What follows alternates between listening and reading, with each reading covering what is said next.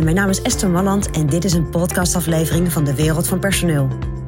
In mijn podcast deel ik graag mijn ideeën met je om op een slimme en simpele manier met je personeel om te gaan.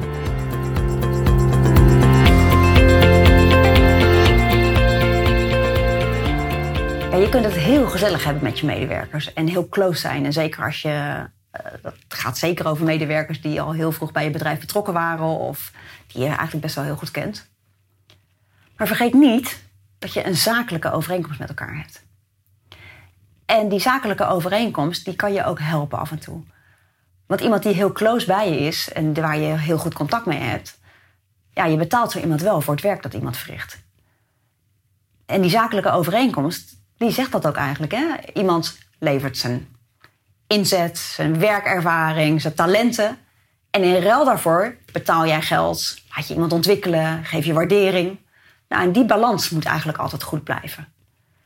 Dus op het moment dat jij heel close bent met iemand, dat is prima, maar houd, houd voor ogen dat je een zakelijke relatie met elkaar hebt.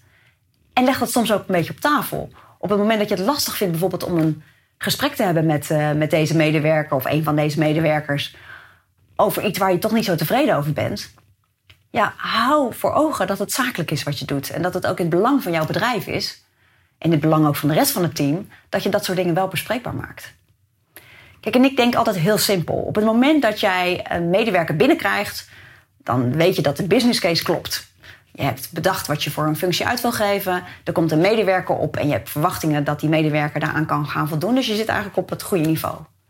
Ja, hoe mooi is het als jij door ontwikkeling of door waardering of door meer verantwoordelijkheid die medewerker kan laten groeien? Dan ga je met elkaar opbouwen. En dan kan het zo zijn dat je op een bepaald moment op, op een maximum komt, op een plafond. En heel soms moet je dan de medewerker laten gaan of je gaat juist verdiepen met iemand. Maar het kan ook zijn dat de zakelijke overeenkomst niet blijkt te kloppen meer op een bepaald moment. En dat je eigenlijk nou, dat je business case niet meer klopt. En dat de medewerker eigenlijk niet meer goed levert wat jij verwacht. Maar ja, het is zo'n fijne, fijn persoon. En, en nou ja, uh, ja, je bent wat makkelijker daarin geworden. En daar moet je mee uitkijken. Want uiteindelijk blijft het een zakelijke, overeenkomst. En ook andere teamleden of andere mensen rond je medewerker heen, die gaan ook natuurlijk wel zien als iemand niet goed aan verwachtingen voldoet. Of misschien iets te makkelijk wegkomt met zaken waar zij dan minder snel mee wegkomen. Of misschien iets te amicaal is naar jou toe en iets te, iets te losjes is ten opzichte van hoe zij met jou, uh, met jou zijn.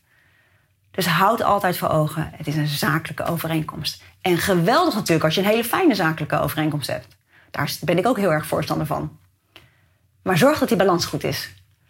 Jij hebt een business case voor ogen.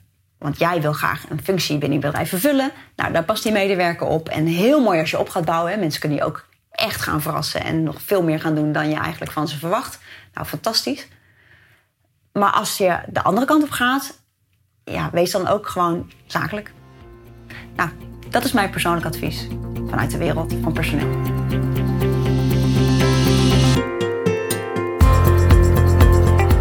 Wil je ontwikkelingen in de wereld van personeel blijven volgen? Abonneer je dan op ons podcastkanaal. Ook op onze website vind je allerlei slimme ideeën en adviezen. Dus kijk even rond op www.dewereldvanpersoneel.nl.